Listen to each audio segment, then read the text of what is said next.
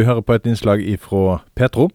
I Norge så drikker hver av oss omkring 1360 kopper med kaffe i året. Det er ca. fire kopper hver dag. Og I kristne sammenhenger så har vi ord som kirkekaffe og bedehuskaffe. Dette er altså en drikk som er viktig for mange i landet vårt. Men de som produserer kaffe, opplever at prisen de får for kaffe blir eh, veldig lav og som eh, forbrukere så kan altså derfor vi kjøpe kaffen billigst mulig.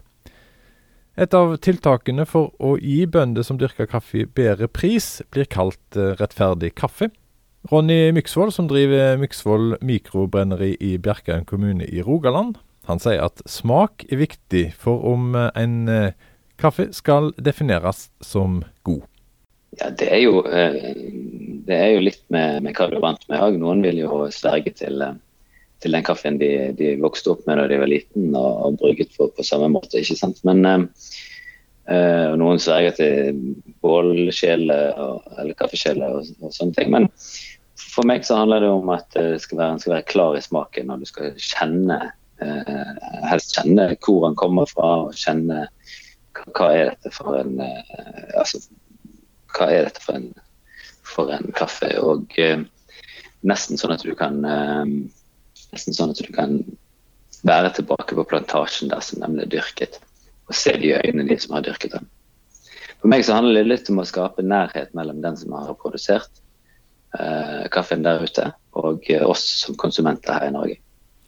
Så i en blindtest så kunne du eh, funnet ut hvor kaffen kom ifra? At dette var en kaffe fra bl.a. Etiopia i Afrika? Eh, ja, ikke alltid, men, eh, men, Etiopia skiller seg veldig klart ut. Og, og Kenya klart ut. Og så er det jo forskjellige varianter. som eh, Du har jo mye av eh, kaffe i, av de samme variantene i Kenya og i, i Colombia f.eks. som eh, ligner litt. Og, um, ligner litt i smaken. Men, um, men, men, det er klart at um, Sør-Amerika og Afrika generelt er jo òg ganske forskjellig. Så, så noen, noen, kjenner jeg lett, og noen andre er litt vanskeligere. Når vi går på butikken og kjøper kaffe, så, så er det ikke alltid vi tenker over hvor det kom ifra, og historien til kaffen. Men mm. Etiopia er jo et av de landene, eller det landet i Afrika som produserer mest eh, kaffe. Eh, og det er jo et land som er rammet av tørke og så bruker en ganske mye vann. Eh, en avhengig av mye vann for å kunne lage kaffe. Jeg leste en plass at det gikk 140 eh, liter vann ca. for én eh, eh, kopp med kaffe. Hvor, hvor, mm. og så har vi klimaendringene som òg kommer nå. Som kaffedrikker mm. bør jeg ta inn meg, meg situasjonen for kaffeprodusentene? Ja, helt klart. I Etiopia i det tilfellet der, så er jo den tradisjonelle metoden at de ikke vasker kaffen, men at de bærtørker den. Uh, og Det får jo òg sin helt uh, særegne smak. Um, og Det er jo en prosess som prøves ut i, i mange ulike sammenhenger. og Hvis det, hvis det er et uh, poeng å spare på, på vann f.eks. Og så finnes det noe med, med spesialkaffeindustrien, så er det jo Eh, kjølvannet av det så er det jo at man utbedrer systemer og, og utbedrer måter å utnytte vannet på, f.eks. For, for at det skal eh, produseres på en mer, eh, mer spare, sparevennlig måte. Da. Så, så, derfor er det viktig å putte litt mer penger i det du drikker. Og kanskje drikke litt mindre. Hvis, det, hvis du er vant med å drikke veldig mye, så er det kanskje lurt å bruke pengene på å kjøpe bedre kaffe istedenfor. Nå nærmer det seg jul, og eh, julekaffe kommer i butikkene. Og hva er det egentlig som skjuler seg bak eh, etiketten julekaffe? Hva skiller den fra vanlig kaffe? For meg så gjelder det jo egentlig å finne en kaffe som passer til, eh, til det man skal i julen. Nemlig spise småkaker og spise feit mat og, og kose seg på ettermiddagen. Og ha en rolig stund på, på kveldstid. Så så det, det sånn tenk, tenker jeg i forhold til julekaffe. En, en, smak som på en måte passer. Ronny Myksvold driver sitt eget kaffebrenneri. Han har tidligere òg vært misjonær for Misjonssambandet i Kenya og Tanzania. Nå jobber han som eh, trusopplærer og diakon i Bjerkreim kirke i Rogaland. Mange barn i Etiopia får eh, brannskader. Derfor bruker Ronny Myksvold eh, kaffen som han lager, for å kunne hjelpe deg. Det gjelder hovedsakelig Etiopia-kaffen. Eh, der har jeg et samarbeid med, med, Children's Burn and Wound Care Foundation, som uh, opererer på, på brannskadde barn i, i, Etiopia. I Etiopia så er det jo um, sånn at de ofte har uh, ildstedet sitt midt i huset, på bakken.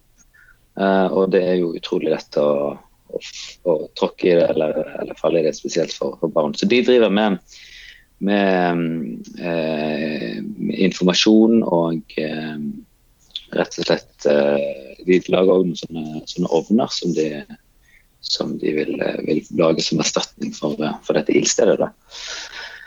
Um, og så driver de med, med å operere på brannskadebarn. gi det et verdig liv tilbake. Så det er fantastisk arbeid. Så eh, der har vi, vi, har et abonnement som, eh, som går til, til inntekt for det. Og så selger vi òg eh, den Etiopia-kaffen med overskuddet til de. Ronny Myksvold, du driver altså med å produsere kaffe i Myksvold mikrobrenneri. Og en av grunnene til dette er jo selvfølgelig å lage kaffe. Men du har noen baktanker med, med kaffeproduksjonen òg? For, for, du brenner for å ha dialog med andre mennesker. Du er diakon i Den norske kirke bl.a., og du har òg engasjert deg i arbeid for uh, de som flytter til landet vårt, som har med seg en helt annen kultur på, på det å snakke i lag. Hvordan bruker du kaffen mm. på, på sånne, for å få i gang samtaler? I forhold til, i forhold til det da, så har jeg vært engasjert med å, å få norske kristne til å få øynene opp for, for innvandrere. For det har jeg følt, eh, De er jo en gruppe som har falt mellom de fleste stoler.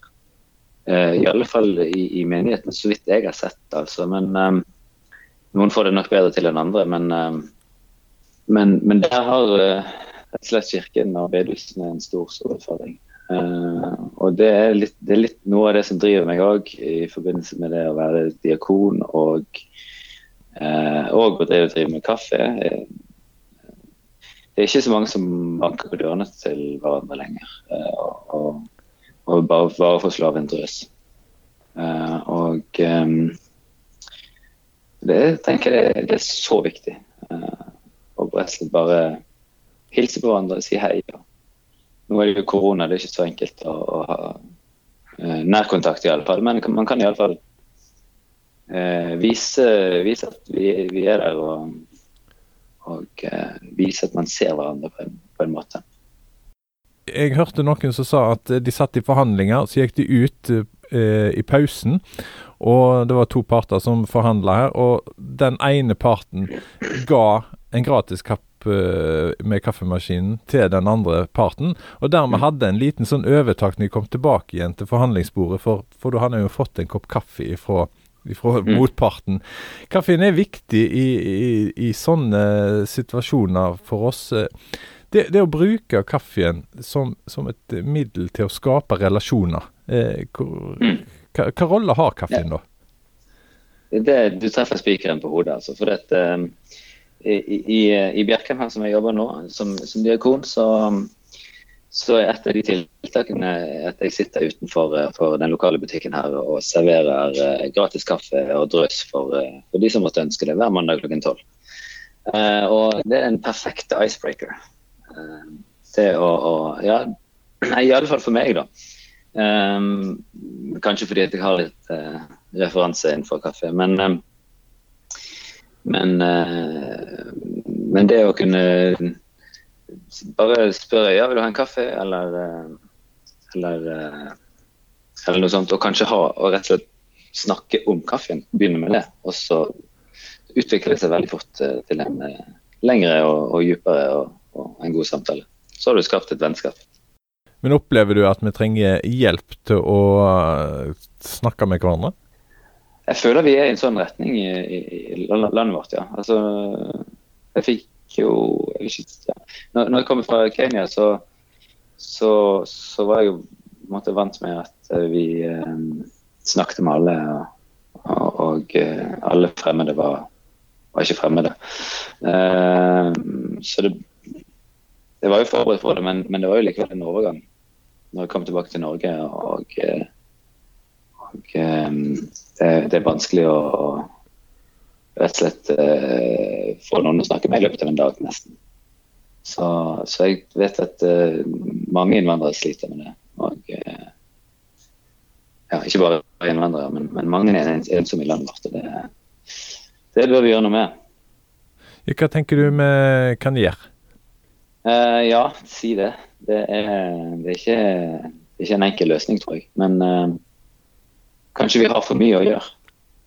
Kanskje vi må rett og slett uh, våge å banke på døren til noen og, eller spørre om de vil ha kaffe.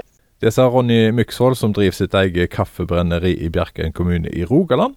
Du finner nettbutikken hans på adressa håndbrent.no.